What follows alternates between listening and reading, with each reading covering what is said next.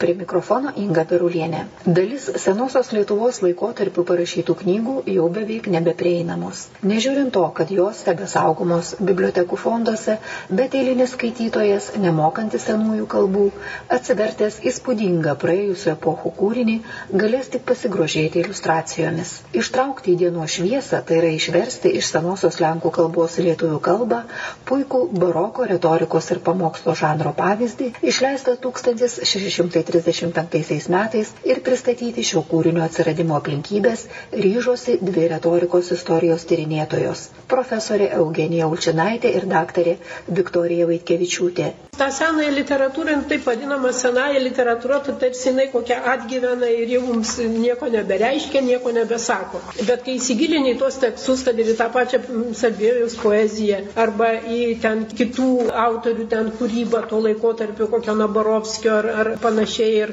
Kojalavičiaus. Jie iš tikrųjų yra jaudinas, jie užgriebia tuos esminius dalykus žmogaus visos egzistencijos ir apie ką mes kartais ir, ir nu, ne tik kartais, aš sakyčiau, gan retai šiais laikais, iš tikrųjų tai žmogus šiandien tą mirtį stengiasi galvojimą apie mirtį nustumti kaip apie kažką baisaus, kaip apie kažką, ko galbūt teks, reiks išvengti ir taip toliau, bet iš tikrųjų tai išvengti jos ne, nepasiseks. Ir čia pradžioje Salbievius tokį labai gražų, gražią mintį e, pasako, ar galima sudaryti sutartį su mirtimi. Sako, kad kai kas mano, kad su mirtimi jie sudarys sutartį, bet sutarties sudaryti negalima ir todėl, kad jinai nepavaldi žmogui, jinai turi savo, savo tą, kaip sakyti, jinai eina savo keliu, jinai turi savo paskirtį, jinai vis tiek ateis. Poeto Motiejaus Kazimiero Sarbievijaus pamokslas Lenkų kalba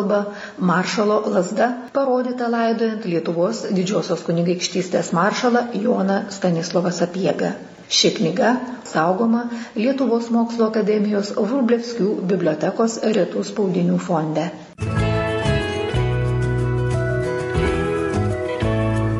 Keletą žodžių apie motiejų Kazimierą Sarbievijų, jėzuitą, literatūros teoretiką ir kurėją, pamokslininką, Vilniaus universiteto profesorius, išgarsėjęs kaip vienas žymiausių lotyniškai rašančių poetų, jau amžininkų tarpe buvo pripažintas kaip puikus pamokslininkas. Laidotuvių pamokslai senojoje kultūroje buvo svarbus šaltinis, padedantis nagrinėti to meto istorinę, politinę, religinę situaciją, siekiant pažinti visuomenės mentalitetą, mąstymo formas.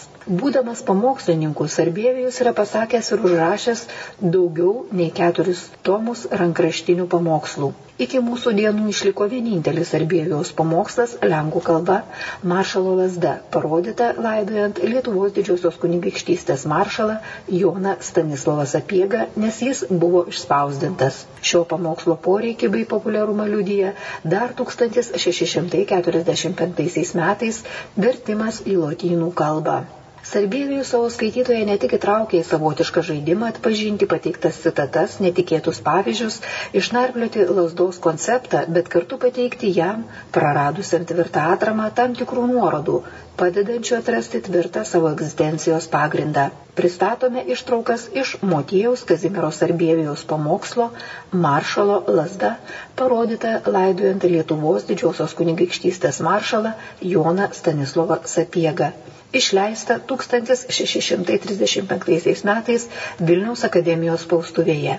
Lenkijos ir Lietuvos tyrėjai šį kūrinį vertino kaip puikų baroko retorikos ir pamokslo žanro pavyzdį.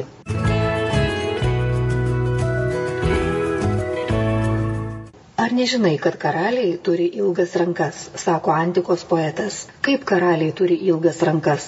Ko negali pasiekti ranka, pasiekia skeptru, ko nepasiekia savo skeptru, pasiekia maršalo lasda pasiekia kanclerio anspaudų, pasiekia atmano buožę, pasiekia riterių jėtimi ir kardu. Atminkite tai, didžiai garbus senatoriai.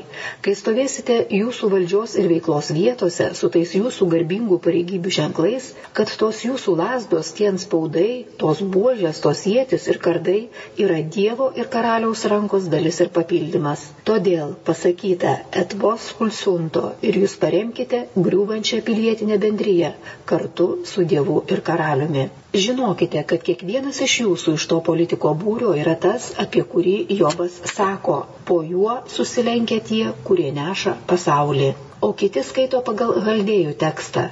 Tai yra aukščiausiam viešpačiui lenkėsi tie, kurie remia pasaulį. Čia jau turiu galimybę ir vietą parodyti, kaip šviesiausiasis Jonas Stanislavas Apiega, Lietuvos didžiosios kunigaikštystės didysis maršalas, tas savo senatoriaus ir maršalo pareigas pagal krikščioniškosios valstybės pavyzdį atlikdamas karaliaus ir Dievo jam duota lasda ir valdžia šią pilietinę bendryje rėmė ir remdamas mirė.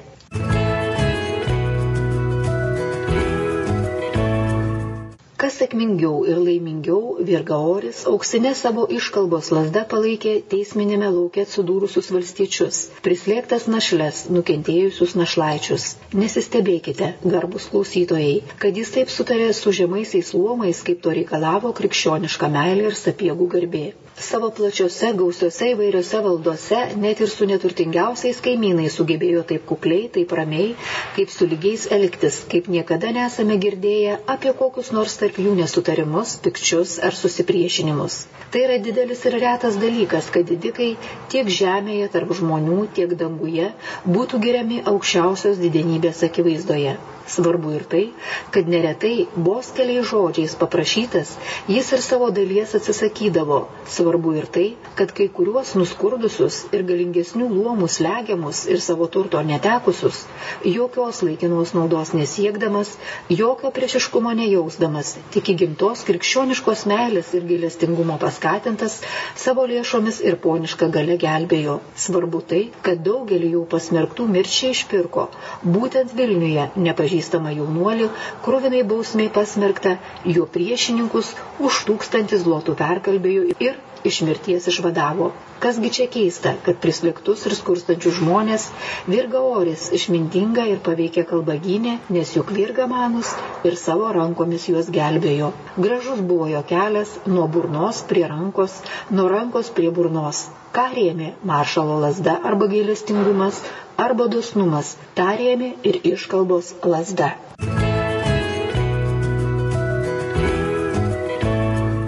Kasgi sukėlė tokius žemės ir miestų drebėjimus? Platonas teisingumą pavadino miestų atrama. Taigi nieko keista, kad kai jis griūva, miestai ir ištisos valstybės griūva. Ciceronas mokė, kad be teisingumo jokia valstybė gyvuoti negali. Ir Seneka, kur nėra padarumo, kur nesirūpinama teisė, ten netvari valstybė.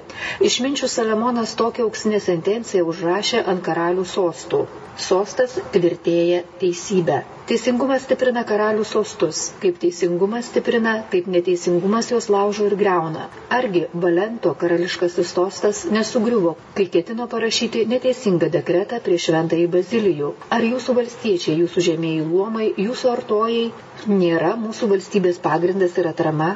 Argi ne ant jų statome aukščiausias didybės galybės karinius įtvirtinimus? Kasgi čia keista, kad kai jie dėl neteisingumo griūva, visa tėvynė susviruoja.